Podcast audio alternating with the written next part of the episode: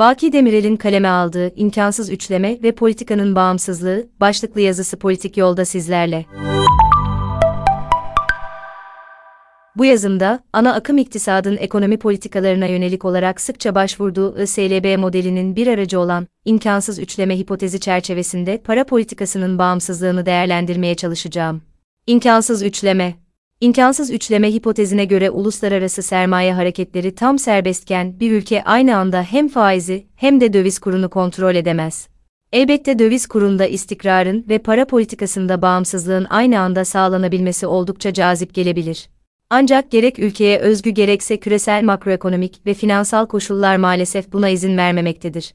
Zira sermaye hareketleri serbestken bağımsız para politikası uygulamak istediğinizde faizleri indirmek gibi yabancı sermaye çıkışları kur üzerine baskı yaratabilecektir. Bunun önüne geçebilmek için ya döviz kuru istikrarından vazgeçmek ya da sermaye hareketlerini kısıtlamak şeklinde sıralayabileceğimiz iki yol vardır. Bu noktada şu parantezi açmak gerekiyor sanırım. Esnek kur sistemi enflasyon hedeflemesi uygulayan bir ülke için olmazsa olmaz bir koşuldur. Bu koşul ana akım iktisadın, MB politika faizini enflasyon hedefiyle uyumlu hale getirirken, döviz kurunu bir para politikası aracı olarak kullanmaması gerekir görüşüne dayanmaktadır. Bu elbette tartışmalı bir konudur ancak o tartışmayı başka bir zamana bırakalım. Şu soruyu soralım. Enflasyon hedeflemesi uygulayan bir ülke neden sermaye kontrolleri yapma ihtiyacı duysun ve veya döviz kurunu belli bir seviyede tutmak istesin? Literatürde dalgalanma korkusu olarak ifade edilen görüş tam da bu sorunun cevabını vermektedir diyebiliriz. Dalgalanma korkusu, merkez bankaları esnek kur sistemi uygulayacaklarını ilan etseler bile uygulamada bunu yapamamaları yani döviz kuruna müdahale etmeleri anlamına gelir. Dalgalanma korkusu iki temel nedene dayanır. Birincisi o ülkedeki banka ve firmaların döviz yükümlülüklerinin, döviz açık pozisyonlarının yüksek olması diğeri de enflasyon korkusudur. Yani kurdaki artışın enflasyonu beslemesidir. İmkansız üçleme neden işlevsizdir. 1980 sonrası yükselen monetarizm ülkelerin makroekonomi politikalarına yön veren temel düşünce okulu haline gelmiştir. Monetarist okulun varsayımları çerçevesinde oluşturulan politika çerçevesinde para politikasına ve dolayısıyla Merkez Bankası'na verilen rol de sınırlandırılmış ve merkez bankalarına biricik görev olarak fiyat istikrarını sağlama görevi verilmiştir.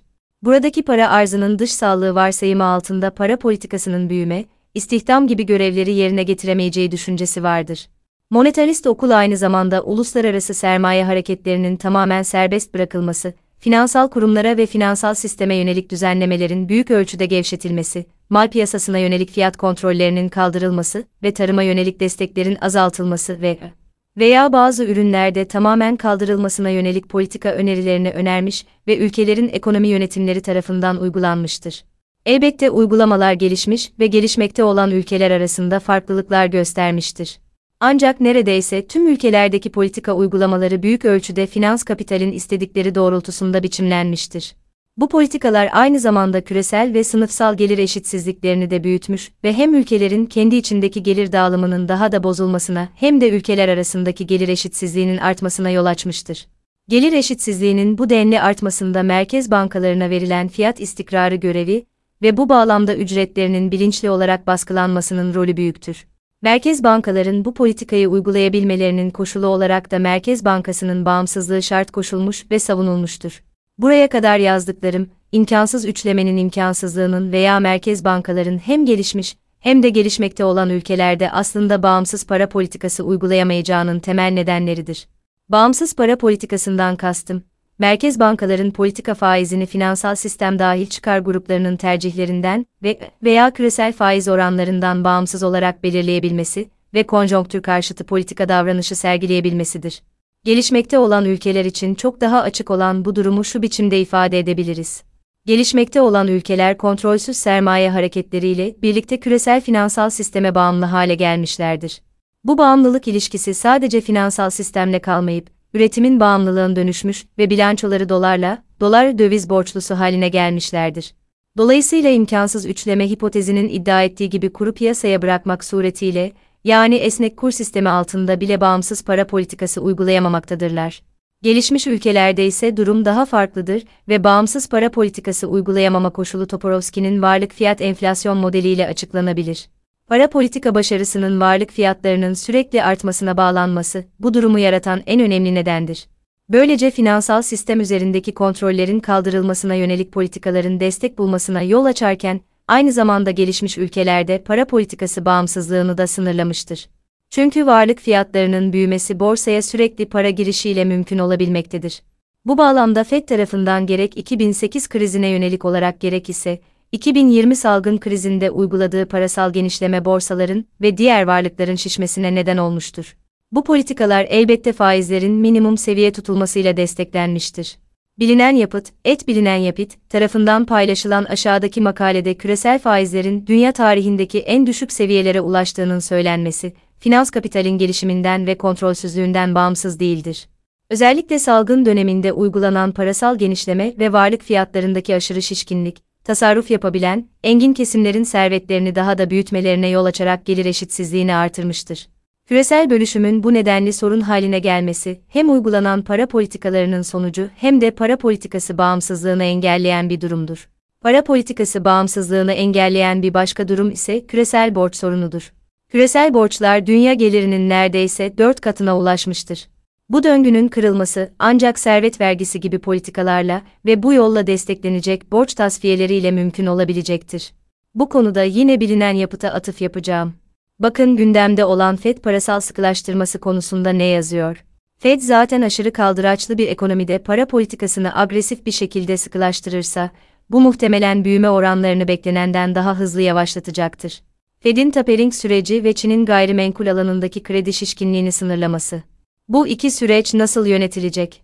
Abde finans sektörü ve Çin'de gayrimenkul sektörü. Şu ana kadar olan bir provaydı. Borç sorununu daha çok konuşacağımız zamanlar tekrar geliyor. Çin'de insanların servetinin %60'ı gayrimenkulden geliyorken, Abde bu oran %28 ama finans varlıkları %72 düzeyinde. Ancak, piyasa kırılgan bir yapıda olduğu için kendisini zengin hisseden birey, bir anda ciddi bir şekilde fakirleşebilir. Amerika Birleşik Devletleri finansal varlıklarının, GİSİH'ten daha fazla büyümesi bunun göstergelerinden ve nedenlerinden biridir. Fiyat istikrarının sağlanabilmesi yolundaki adımların, finansal istikrarsızlığı daha da derinleştireceği noktaya doğru gidiyoruz. Çözüm, iki alanda sadece olmamalı. Veya daha doğrusu iki alana sıkıştırılmamalı. Yani bir Düşük enflasyon, yüksek faiz oranı, QT miktarsal sıkılaşma, 2. Yüksek enflasyon, düşük faiz oranı, QE miktarsal genişleme. Fed'in bilançosu halar yeni rekor seviyelere doğru genişliyor ve en son veriler itibariyle 8,9 trilyon dolara ulaşıyor. Faiz artırımı ve bilançonun daralma süreci her ne kadar tartışılsa da yeni rekorlar geliyor. Piyasalar Fed'in agresif davranmaması için elinden geleni yapacak mı?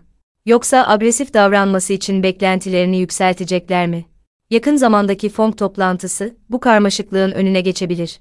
Gelişmekte olan ülkelerde ise varlık fiyatlarının ya da borsaların büyümesi büyük ölçüde sermaye hareketlerine, yabancı sermaye girişine oldukça bağımlıdır. Bu bağımlılık aynı zamanda üretim süreçlerinin devamı için de geçerlidir.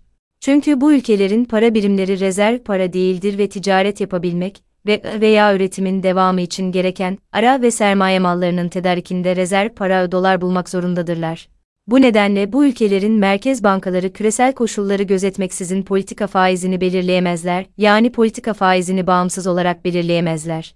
Sonuç olarak ne gelişmiş ülkeler ne de gelişmekte olan ülkeler kontrolsüz sermaye hareketlerine sınırlama getirmeden, finansal sisteme yönelik güçlü regülasyonlar uygulamadan ve varlık kazançlarına yönelik ilave vergiler getirmeden bağımsız para politikası uygulayamazlar. Dünya ekonomisi borç ve bölüşüm sorununa çözüm üretmeden mevcut kırılımlar ve krizler döngüsel hale gelecektir. Haftaya FED kararı sonrası Türkiye ekonomisi üzerine yazmaya çalışacağım. Esen kalın.